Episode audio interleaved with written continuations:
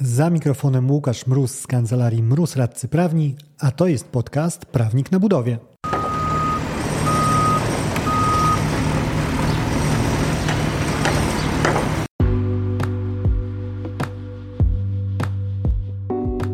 Prawnik na budowie. Podcast o wszystkim, co związane z budownictwem. Uwaga, może zawierać śladowe ilości prawa. Nazywam się Łukasz Mróz, jestem radcą prawnym i partnerem w kancelarii Mróz Radcy Prawni, w której na co dzień pomagamy firmom budowlanym sprawnie prowadzić projekty.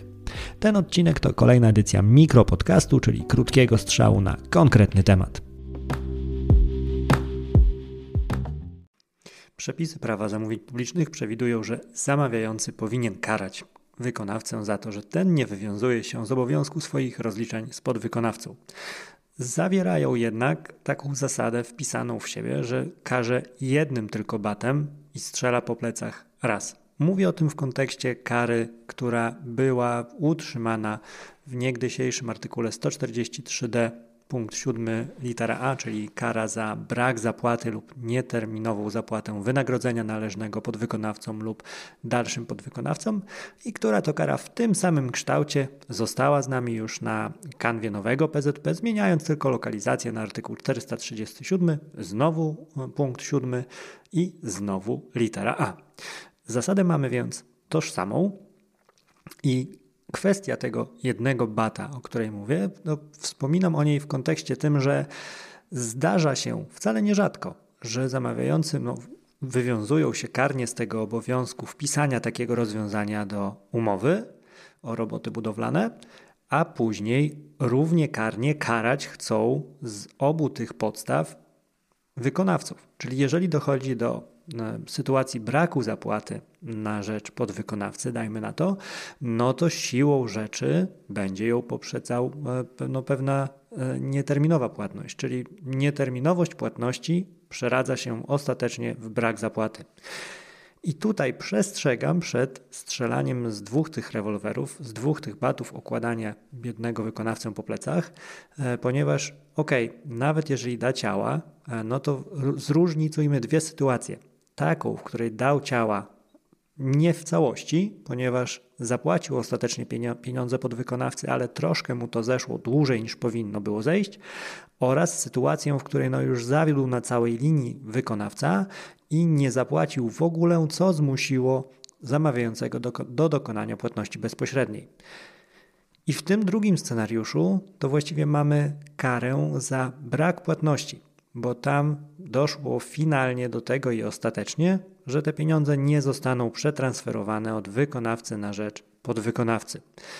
I tutaj nie bardzo jest miejsce, żeby robić sobie taką e, kumulację jak w lotku i żeby zamawiający postępował w taki sposób, że do dnia, kiedy sam dokonał płatności, więc de facto, kiedy już doszło definitywnie do braku zapłaty podwykonawcy, naliczać karę za zwłokę za nieterminową płatność e, na rzecz podwykonawcy i później jeszcze jako bonus właśnie ten e, taki kwiatek u kożucha, wisienka u tortu, dodać karę za brak zapłaty. E, tutaj odsyłam do skojarzeń sądów z karaniem wykonawców za nieterminowe wykonanie umowy, czy może bardziej za odstąpienie od umowy z powodu jej nieterminowej realizacji. Czyli mamy sytuację, gdzie przekroczony jest termin E, zakończenia robót. Wchodzi już wykonawca w zwłokę, kalendarz bije dzień po dniu, a później zamawiający stwierdza, że nalicza mu kary powiedzmy za 30 dni po umówionym terminie zakończenia robót, w których jeszcze nie złożył oświadczenia o odstąpieniu i dopiero po tych 30 dniach zdecydował się na odstąpienie. Tutaj Odwołuję się do tego, ponieważ w no, świeżym wyroku jednego z sądów okręgowych właśnie sąd e, wskazywał na, na to, żeby nie sięgać, nie być zbyt zachłannym, nie sięgać po te dwie podstawy. I w tym przypadku, jeżeli już dochodzi do sytuacji, gdzie zamawiający był zmuszony do dokonania bezpośredniego transferu, bezpośredniej płatności, no to kara, którą powinien strzelić z kontraktu, to jest kara właśnie za tą bezpośrednią płatność, czyli de facto za brak zapłaty na rzecz podwykonawcy.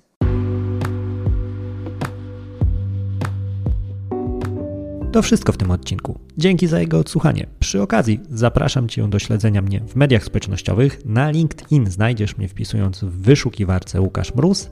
Na Facebooku natomiast i Instagramie jestem dostępny jako prawnik na budowie, czyli tak jak tytuł tego podcastu. W wersji bardziej klasycznej możesz do mnie napisać na mrozmałpa.kancelariamroz.pl. Do usłyszenia w kolejnym odcinku. Dzięki za odsłuchanie tego odcinka. Jeżeli chcesz się ze mną skontaktować, możesz napisać na biuro małpa kancelariamroz.pl albo zadzwonić na 577 665 077. Znajdziesz mnie też w mediach społecznościowych. Na LinkedIn jako Łukasz Mróz, a na TikToku, Facebooku i Instagramie jako Prawnik na Budowie.